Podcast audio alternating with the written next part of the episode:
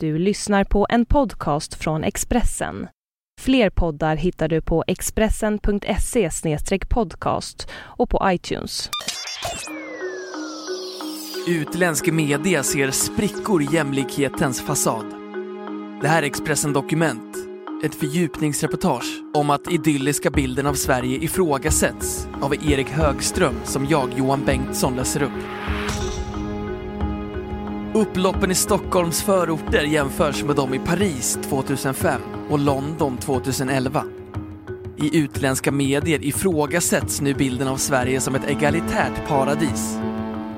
Författaren Henning Mankell har intervjuats av brittiska BBC om upploppen och säger att han känner av en skadeglad attityd i den internationella rapporteringen.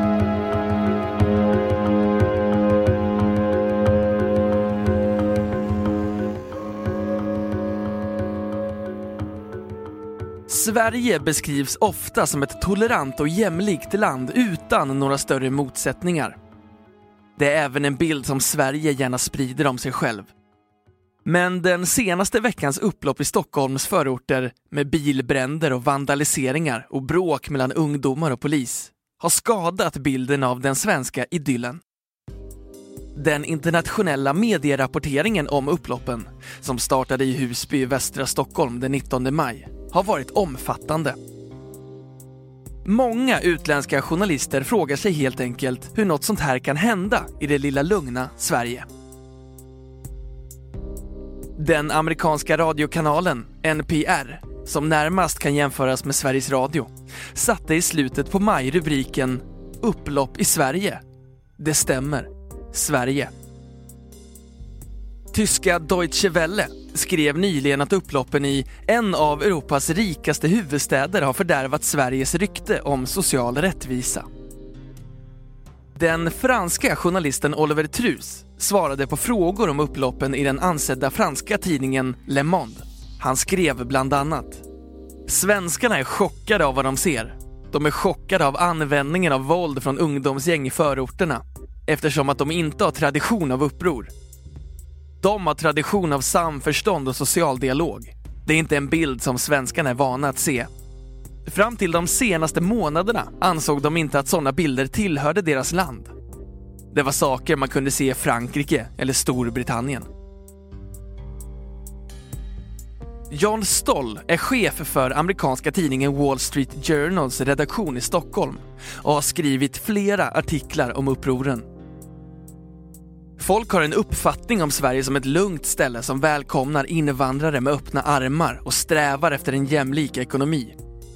Så det finns ett chockvärde i det som har hänt. Och det finns definitivt en viss ironi i det som skrivs om Sverige. Om att det händer just här, säger han.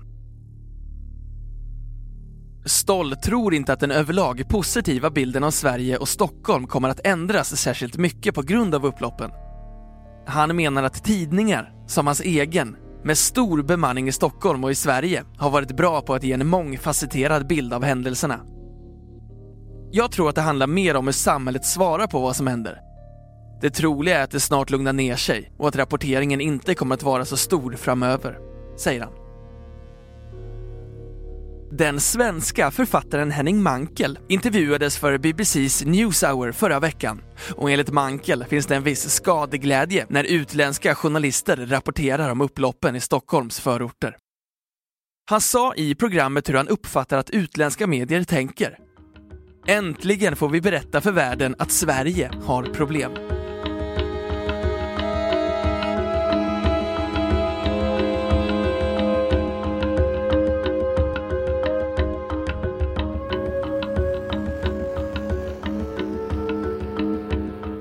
Dag Blank, historiker och chef för Svenska institutet för Nordamerikastudier vid Uppsala universitet, håller med om att den internationella rapporteringen har präglats av klassiska fördomar om Sverige som ett modernt land med stark stat och stor välfärd. Och det är en bild som har funnits länge. Den bilden har sitt ursprung i en amerikansk bok av journalisten och författaren Marquis Childs som kom ut 1936 och hette Sweden, the middle way. Den handlade om landet som lyckas gå mellanvägen mellan kommunism och kapitalism och boken fick ett enormt genomslag i USA. Den positiva bilden av Sverige fortsatte sen på 60 och 70-talet. Det sattes en positiv bild knuten till modernitet och Sverige fick lite oproportionerligt mycket uppmärksamhet givet landets storlek. Bilden handlar bland annat om ett paradis där alla problem är lösta och att staten är väldigt stark. Dag Blank håller med Henning Mankel om att det nu går att utläsa en viss skadeglädje i rapporteringen om upploppen. Ja, man kan säga att det finns ett visst mått av skadeglädje från de som inte gillar den svenska modellen. Man tycker, kanske med viss rätt, att Sverige har satt sig själva på ganska höga hästar. Och gör man det så blir ju fallet större, säger han. Frilansjournalisten Annika Hamrud skrev tidigare i veckan en krönika i tidningen Journalisten där hon beskrev hur hon intervjuades av en italiensk radiostation. Den italienska reporten menade då att Sverige inte var ett land där man förväntade sig ett upplopp och han frågade hur det kunde ske just där. Han ville plötsligt att jag skulle ge en analys av hela Sverige med utgångspunkt i vad som hände i Husby. De utgår också från idén om att det är så gulligt i Sverige de utgår från sin schablonbild eller fördom om hur det ska vara här, säger hon. Hamrud skrev i krönikan. Jag jämför med London och Paris, men reporten gillar inte jämförelsen. Stockholm och Sverige ska inte vara som London och Paris. Där ska inga ungdomar revoltera. Sverige ska ju vara sådär gulligt. Man undrar ju hur länge det ska vara så att vi inte kan få vara som alla andra. Att vi ska bedömas efter andra kriterier. De vill hålla fast vid den bilden, men det kanske vi också vill, säger hon. Visit Sweden arbetar på uppdrag av staten med att marknadsföra Sverige och svenska destinationer. I sin marknadsföring spelar de på många av de schablonbilder som finns om Sverige. Många medier uttrycker förvåning att detta sker i stabila och demokratiska Sverige, där man inte förväntar sig att sånt ska ske. Vi försöker jobba med en äkta Sverigebild som stämmer väl överens med den uppfattning som finns om oss utomlands. Till exempel ett tryggt, öppet, progressivt och modernt land, säger VDn Thomas Bryl. Notan för upploppen, som pågått i drygt en vecka, kommer att landa på flera miljoner då bland annat hundratals bilar satts i brand och flera fastigheter vandaliserats. Om det kommer att ha någon långsiktig effekt för bilden av Sverige, det återstår att se.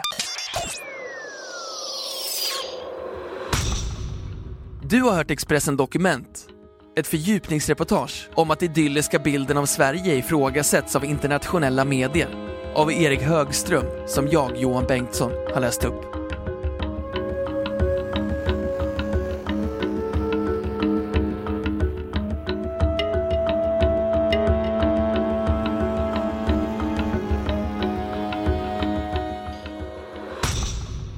Du har lyssnat på en podcast från Expressen. Ansvarig utgivare är Thomas Mattsson. Fler poddar finns på Expressen.se och på iTunes. Ett poddtips från Podplay.